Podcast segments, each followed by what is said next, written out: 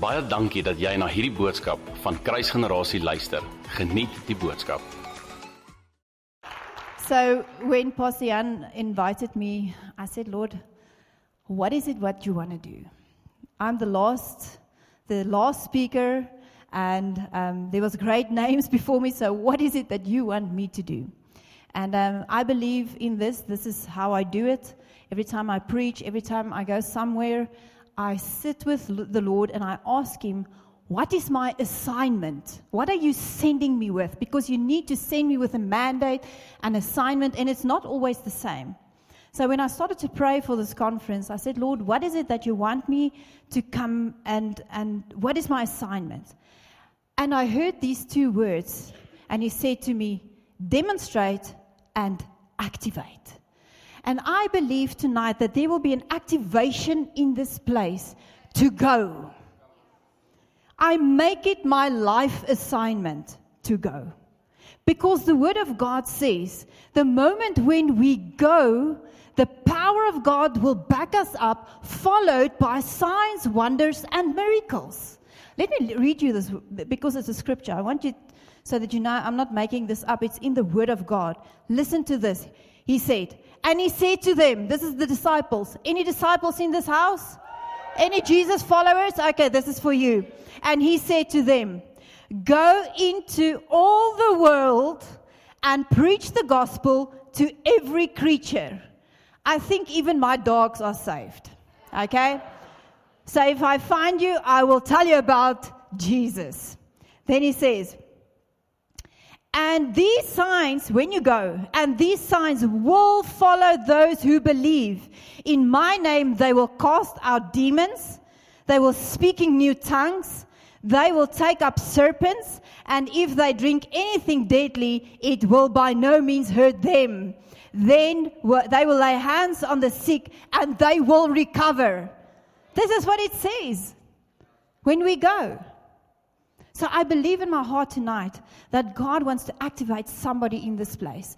And I want to tell you that we, sometimes when we think, okay, I have to go, then we think, okay, I'm going to the next mission trip.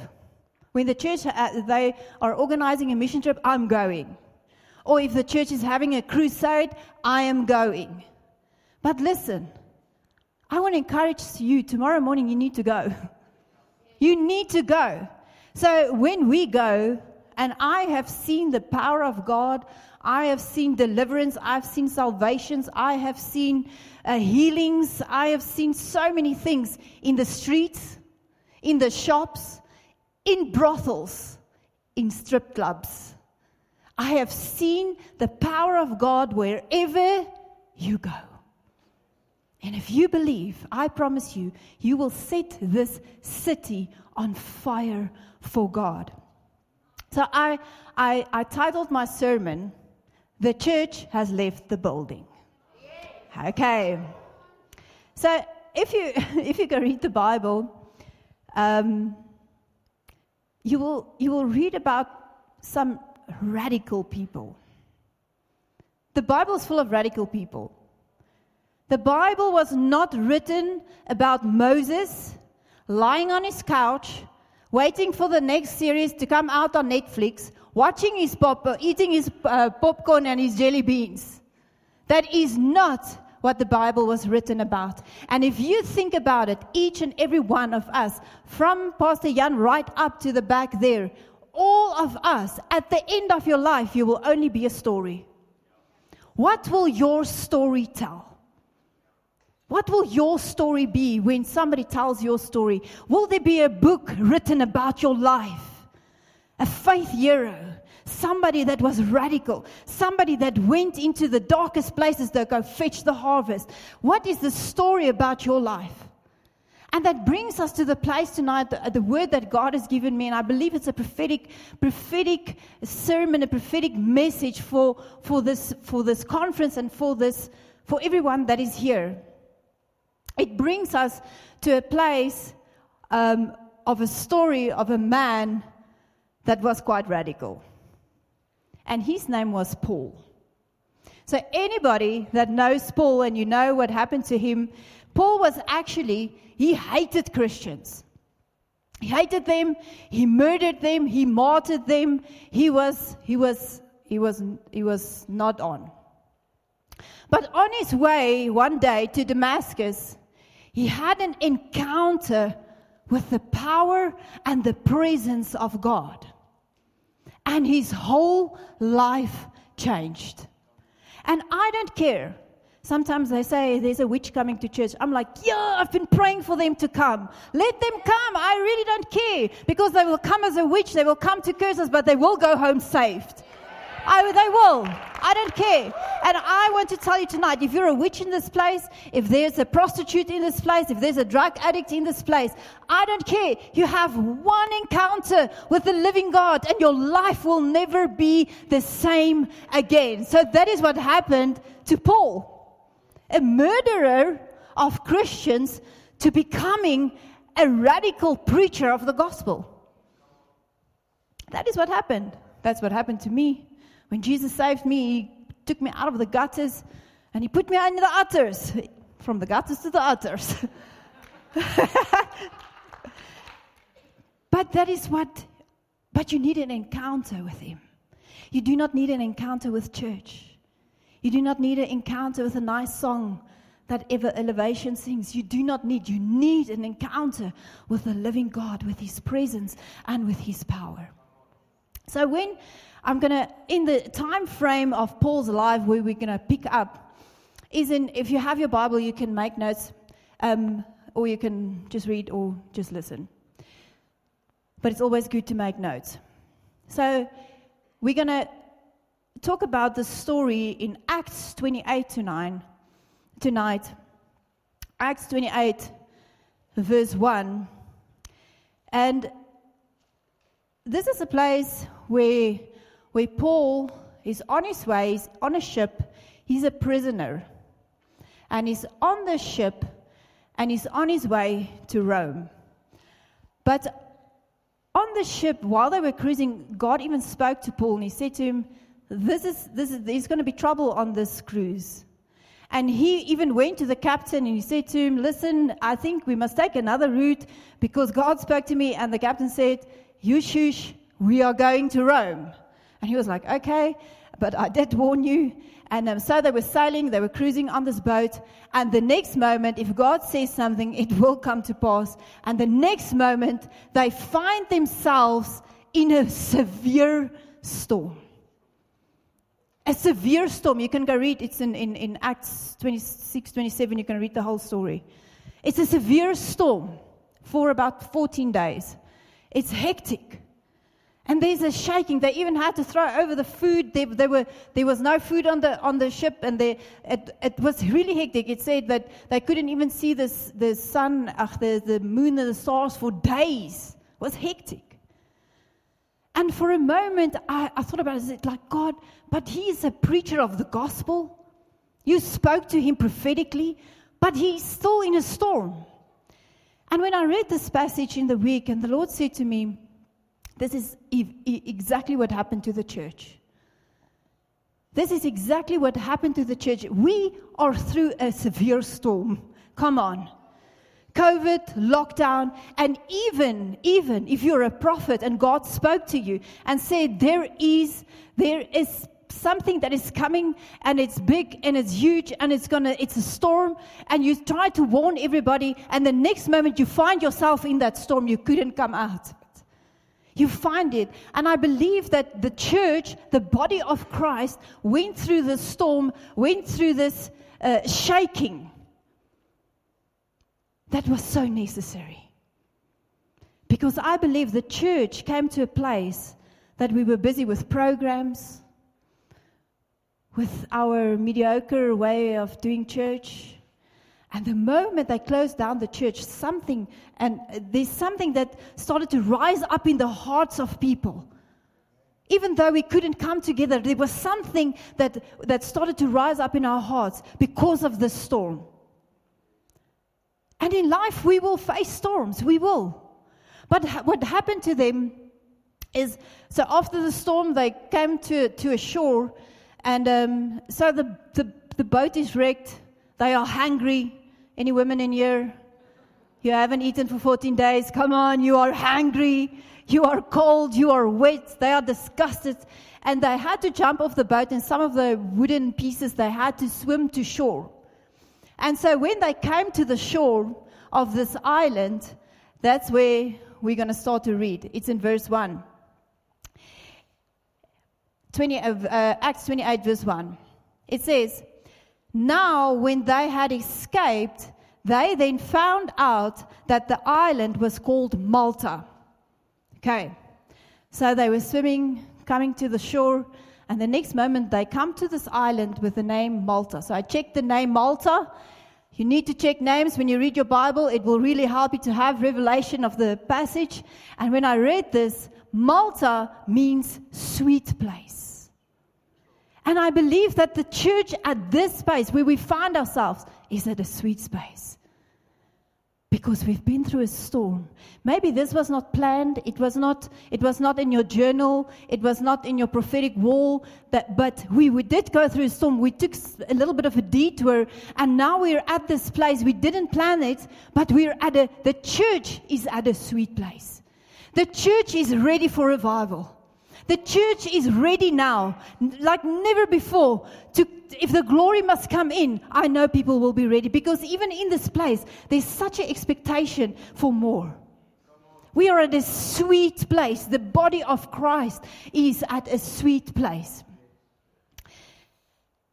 Verse 2 And the natives showed us unusual kindness, for they kindled a fire and made us all welcome. Come on, say, kindle a fire. So when I read that, that verse, I, I saw Pastor Jan. I saw him praying. I said, Lord, are we going to have this conference? I'm going to kindle this fire. I'm going to kindle this fire in this city, in this church, in this region, in Mpumalanga. I'm going to start, I'm going to kindle this fire, and I'm, everybody will be welcome.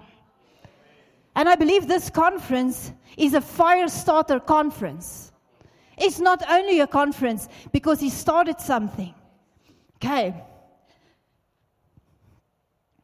For they kindled a fire and made us all welcome. Because of the rain that was falling and because of the cold. So it was still raining, it was still cold. They got they are hungry, they are wrecked, the ship is wrecked. They come to the island a sweet place, but it's still the, the odds are still against them. Verse 3. But, say, but. But when Paul had gathered a bundle of sticks and laid them on the fire, somebody in this place needs to get this tonight. So here is a pastor praying. He says, I'm going to have this conference. I feel in my heart I need to, to, to start a fire.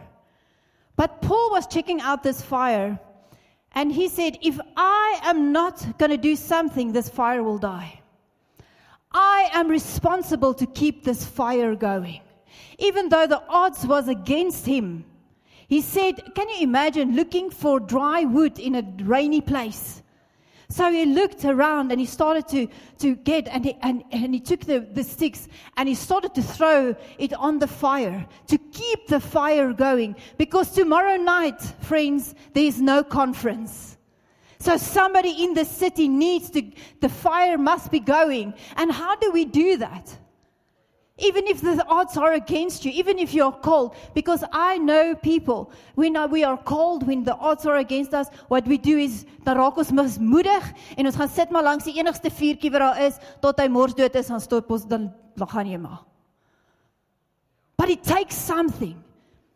You see, the thing is, if you had an encounter with the fire, you will always keep on looking for the fire. If you had one encounter with Jesus, you will daily look for another encounter with Jesus. And Paul knew that he needs to keep this fire going. So, how do we do this in this time? I believe we are like never before. We need to pray. How do we keep this fire going? To pray for the city, to pray for this region, to pray for our nation. And not only pray, I, I, I know where I'm standing that God is calling the church to fast like never before, to let the flesh die. How do we keep it going? By our giving, by having big faith. I want faith to arise in this place tonight. I want, I want to ask you tonight, what are you trusting God for that you cannot do? When last did you trust God for the impossible? Things that you cannot do, things that you cannot work out. I want somebody to keep the fire going tomorrow night. If you had an encounter with the fire, you will always look for the fire. One thing that Paul did not do, and this is amazing. So, one thing he didn't do is he didn't turn back to go and fix the boat. And I have seen this over and over and over in my life. The moment when, when we go through something and it, it didn't work, it's broken, it's demolished, it's wrecked, we want to go back and rebuild the boat. And I really feel in my heart to tell you tonight I don't know if it's a business, I don't know if it's a relationship. I don't know if it's a ministry. I don't know what it is. You know what it is. But I feel in my heart that God says, do not go back and rebuild the boat and neglect the fire. Do not neglect the fire. I want to, the word of God says in Isaiah 43, it says, forget, forget the former things, forget the old things. Just see that I am doing a new thing. Now it springs forth in this time. I will make a way there where there is no way. I will make rivers in dry places, church. The word of God says the latter glory will be greater than the former glory. And I believe that it is coming to this house. You've been crying out and it will be better it, because you are not somebody that goes back to the boat. The fire, do not neglect the fire in this time in your house. Don't come and pray at church if you do not pray at, at your home. Don't come and be religious here at church and you don't pray in the mornings at your house. Take your family's hand. I'm so for this. You take your family's hand in the morning and you pray for each one before they leave that house. You pray for each other and then you come to church and you pray for revival.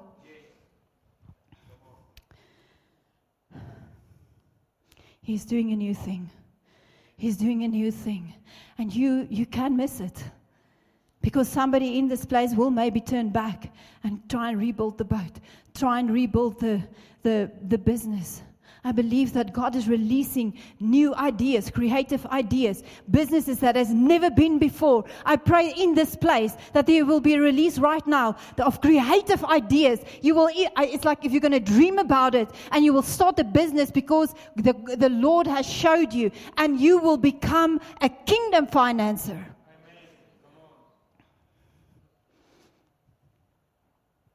We cannot do it without the Holy Spirit. We cannot. We cannot do it without the Holy Spirit. John the Baptist said, He said, I am the one who baptized you with water, but there is one coming after me that is mightier than I, that will baptize you with the Holy Spirit and with fire. Jesus said to his disciples, Go to the upper room and go wait, go seek, go ask. And the Holy Spirit came upon them. And the word said that God, Jesus said to them, When you receive the Holy Spirit, you will receive power. And in this time, that's why I believe that tonight, before you go home, you will be activated with fire, that you will be activated with the Holy Spirit, that you will become the light of the city. We cannot be carriers of fire if we are not anointed by the Holy Spirit.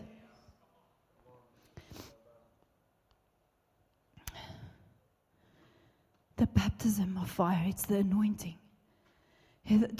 When, um, when I saw all the names that was preached before me, I was like, Lord, I'm so scared. My mouth was dry this afternoon. I'm like, yo.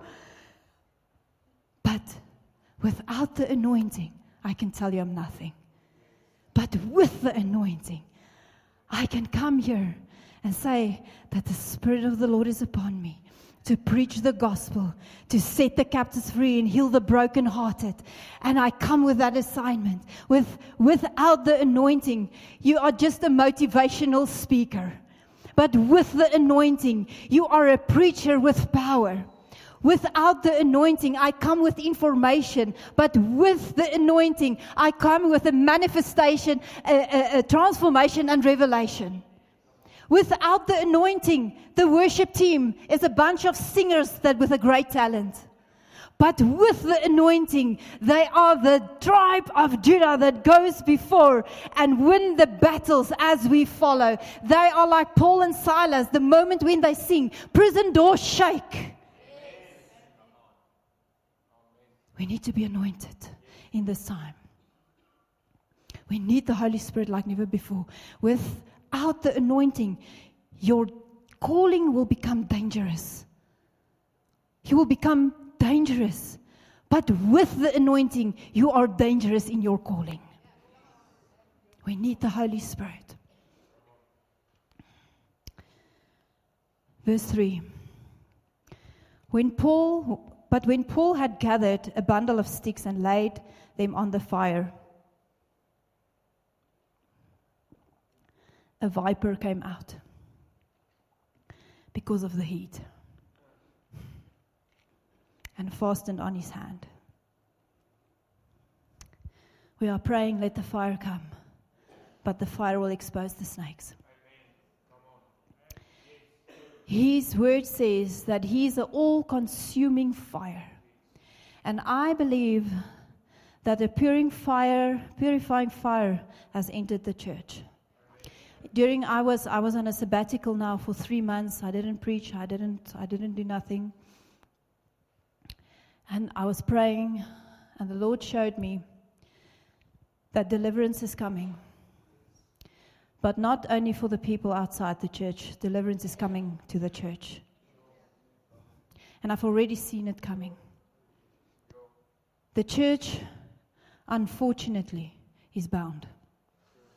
I've never seen more depressed people. I've seen more depressed people in church than outside the church. I've seen more addicted people in the church than outside the church. And I pray that the purifying fire will come and set his church free. Because Matthew 11 12 says that the kingdom of God suffers violence, but the violent take it by force.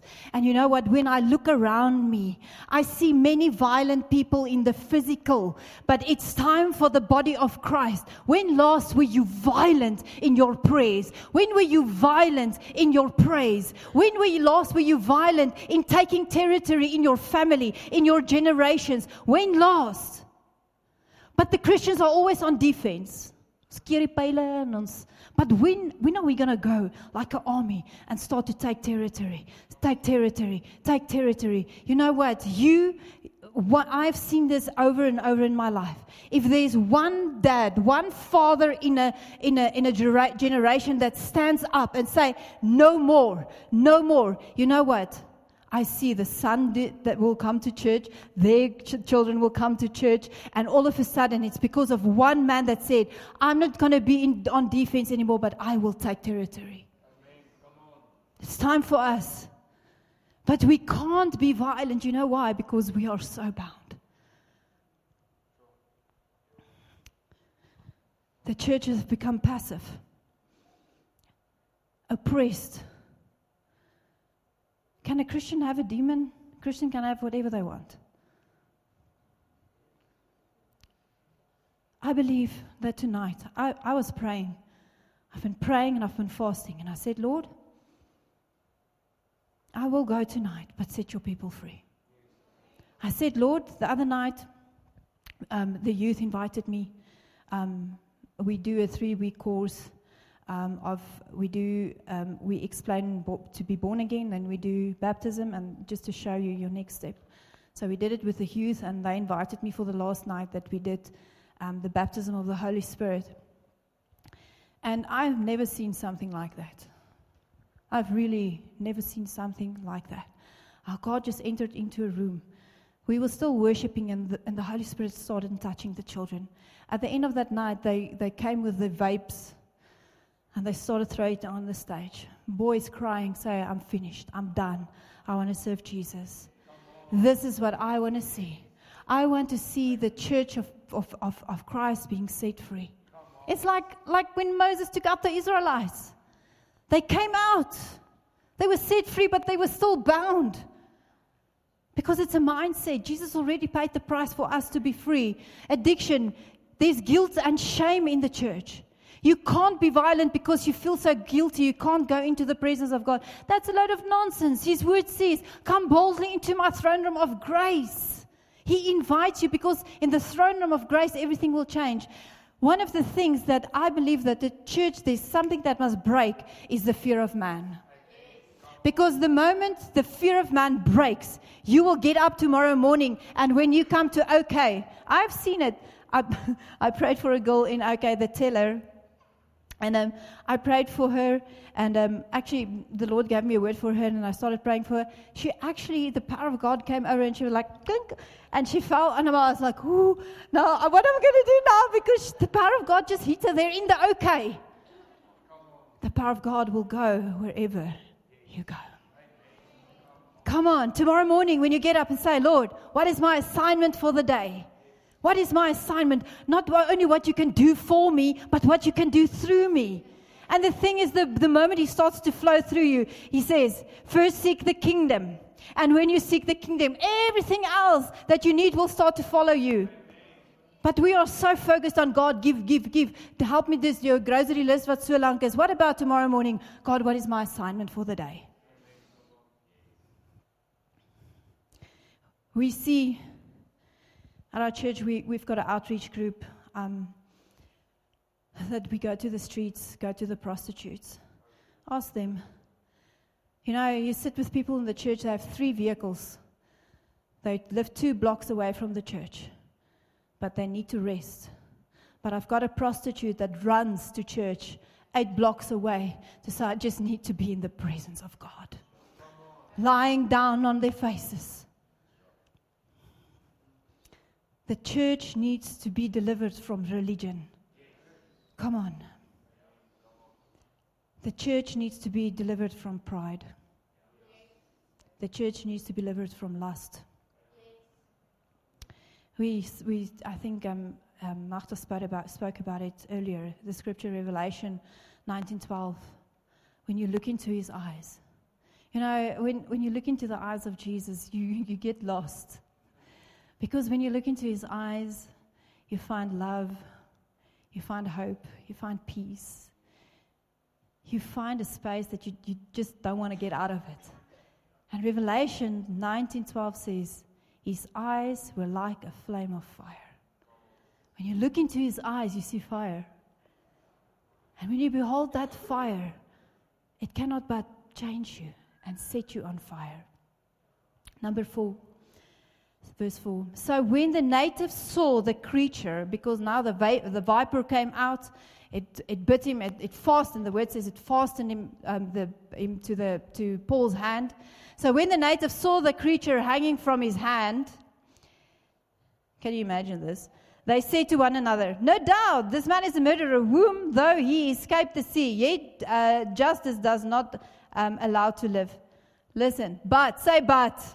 Where, where's the but? Everything changes. But he shook off the creature in the fire and suffered no harm. I believe tonight there will be somebody, even if it's one, that will shake a snake in this place. And you will start to become violent for Christ because there's something that is keeping you behind. It's something, it's, it's almost like there's something between you and God, but it's not really there because God says, just shake it off.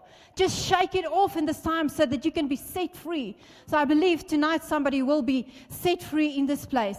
If, if, if you, I had to go read about snakes, I have no idea why anybody will have a spit snake.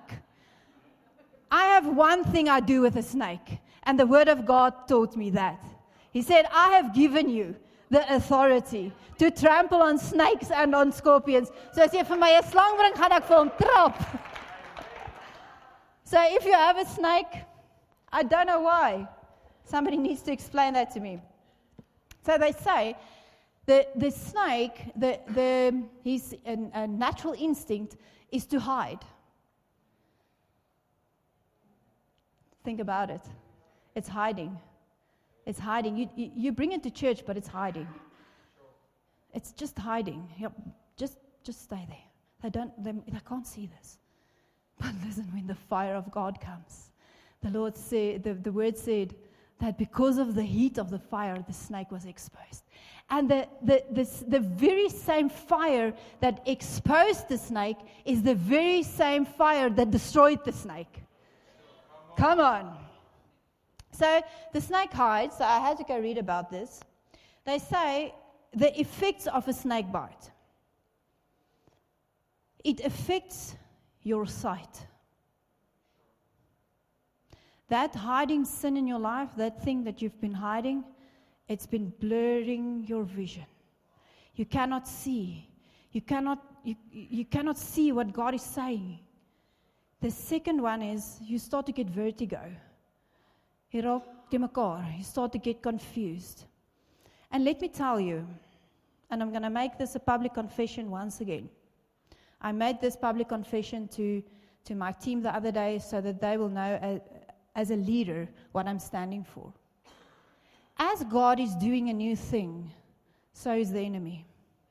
There's a new age movement arising right now in our nation that is blinding people. And I believe because of snake bites, people are confused and they start to follow this. They talk all the right stuff. It's all about love. It's all about the great stuff.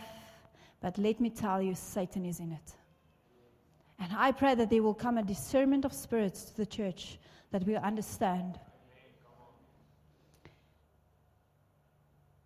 I don't know how to say this. When you, you be, become um, pa- pa- paralyzed, paralyzed, paralyzed, pa- paralysis. You get paralysis when a snake bites you. You start to get lame. That's why it's impossible for you to go. It's impossible. And this was amazing. So they say when a snake bites you, and, and, and in this story, the snake, um, the, the wound was on Paul's hand. So they say you need to keep the, the wound under your heart, below your heart. And I was thinking about this. I was like, no, this can't be. Because if you have a snake bite, you need to keep your hand above your heart. And the enemy wants to, he, he needs to keep you bound so you don't feel um, that you can worship. You don't feel freedom to praise because you've got this wound on your hand and you feel you have to keep it here. But I pray that somebody in this house will tomorrow you will get up and you will praise him like never before. Because you know what? He wants to push your praise down. Because if he can get you down, he knows your praise has got the power to push your pain into purpose. That's why he needs to. I say, just keep your just keep your wound below your heart. But I pray that worshippers will arise from this place. Paul did not get, get affected by the poison of the snake because he was carrying anointing, because he had an encounter with God. And this, in the whole story, is where the supernatural was activated. I think the worship team can come. In this part of the story, is where the supernatural gets activated. So I'm going to say it like this Paul, he was on this ship because of a mistake. It was turned into a miracle, and the miracle was turned into a mission. And I don't know what your story looks like. Maybe it was a mistake, but God will turn it into a miracle, and the miracle He will turn into a mission. Listen to this.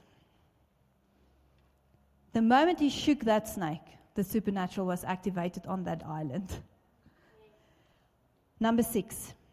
However, they were expecting that he would swell up or suddenly fall down dead. But after they had looked up for a long time and saw him no harm come to, um, to him, they changed their minds because they looked at him and they knew there was no doctors close by. They looked at him and they said, But this is supernatural. What is this? And the moment they saw it, there came a fear of God over them. Listen to this. Verse 7 In that region, there was an estate of the leading citizen of the island, whose name was Publius. Please do not name your child Publius. that is That is not a nice name. I'm just scared to think what, what the nickname will be.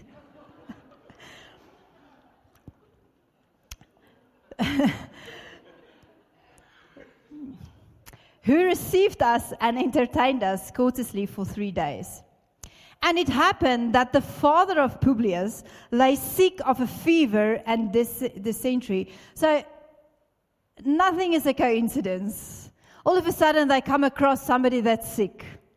Paul went into him and prayed, and he laid his hands on him and he healed him. The same hand that was bitten by a snake that was supposed to rotten off is the same hand laying hands on the sick. And I want to ask you tonight if you want to have a clue to your assignment, check where the enemy is trying to take you out.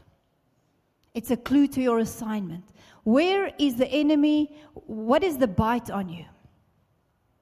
That is the very same thing that God wants to use you in. Today, as I'm st- standing in front of you, I know that the snake bite on my hand turned into a miracle. And that miracle turned into a mission. So, when that was done, the rest of those on the island who had diseases also came and were healed.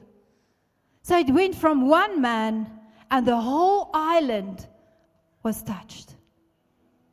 And that's why I know this, this fire that you started to, to kindle, this fire starter, somebody in this place will be set free tonight. And tomorrow morning, you will start to move. There will be movement. Even your, in your prayer life. I know there's people tonight, you're sitting here, and the, the it's, it's almost like prayerlessness is a curse over your life. Every time you decide, now I'm going to pray like never before, it's like, now I sleep like never before. Come on, nie so heilig en veilig wees nie. Waai jou hand, ek weet. Say, Lord, now I'm going to do this. It's a curse because the enemy knows the moment you're going to rise up as a prayer warrior, you're going to take some territory. You're going to take some ground. I can testify. It will take the whole night if I have to testify for the things, not the things, not only the things that we as a church pray for, but the things that me and my husband take hands early in the mornings. And let me tell you, I love sleep. It took some 20 alarms to get me awake. But we decided we're going to make it a priority. Intentionally, we will start. We take uh, uh, um, our hands in the morning, and the first thing, we don't even say morning, we just start to pray. And I can testify stories and testimonies and graces that came over our lives because of prayer. May prayer be activated, not only in church, but let, let the homes of Middelburg be full of prayer full of prayer. Don't wait on the intercessors. Start to be an intercessor. Verse 10. Remember, so they came here, they were hungry, the, the boat was wrecked, it was all a mess. But verse 10 says, They also honored us in many ways, and when we departed, they provided such things as were necessary. They lost nothing. They lost nothing. And I don't know what your story is, but I know a God that restores. I know a God that will restore your business, that will restore your marriage, if you allow Him. Baie dankie dat jy na hierdie podcast geluister het. Indien jy die boodskap geniet het, deel hom asseblief met jou vriende.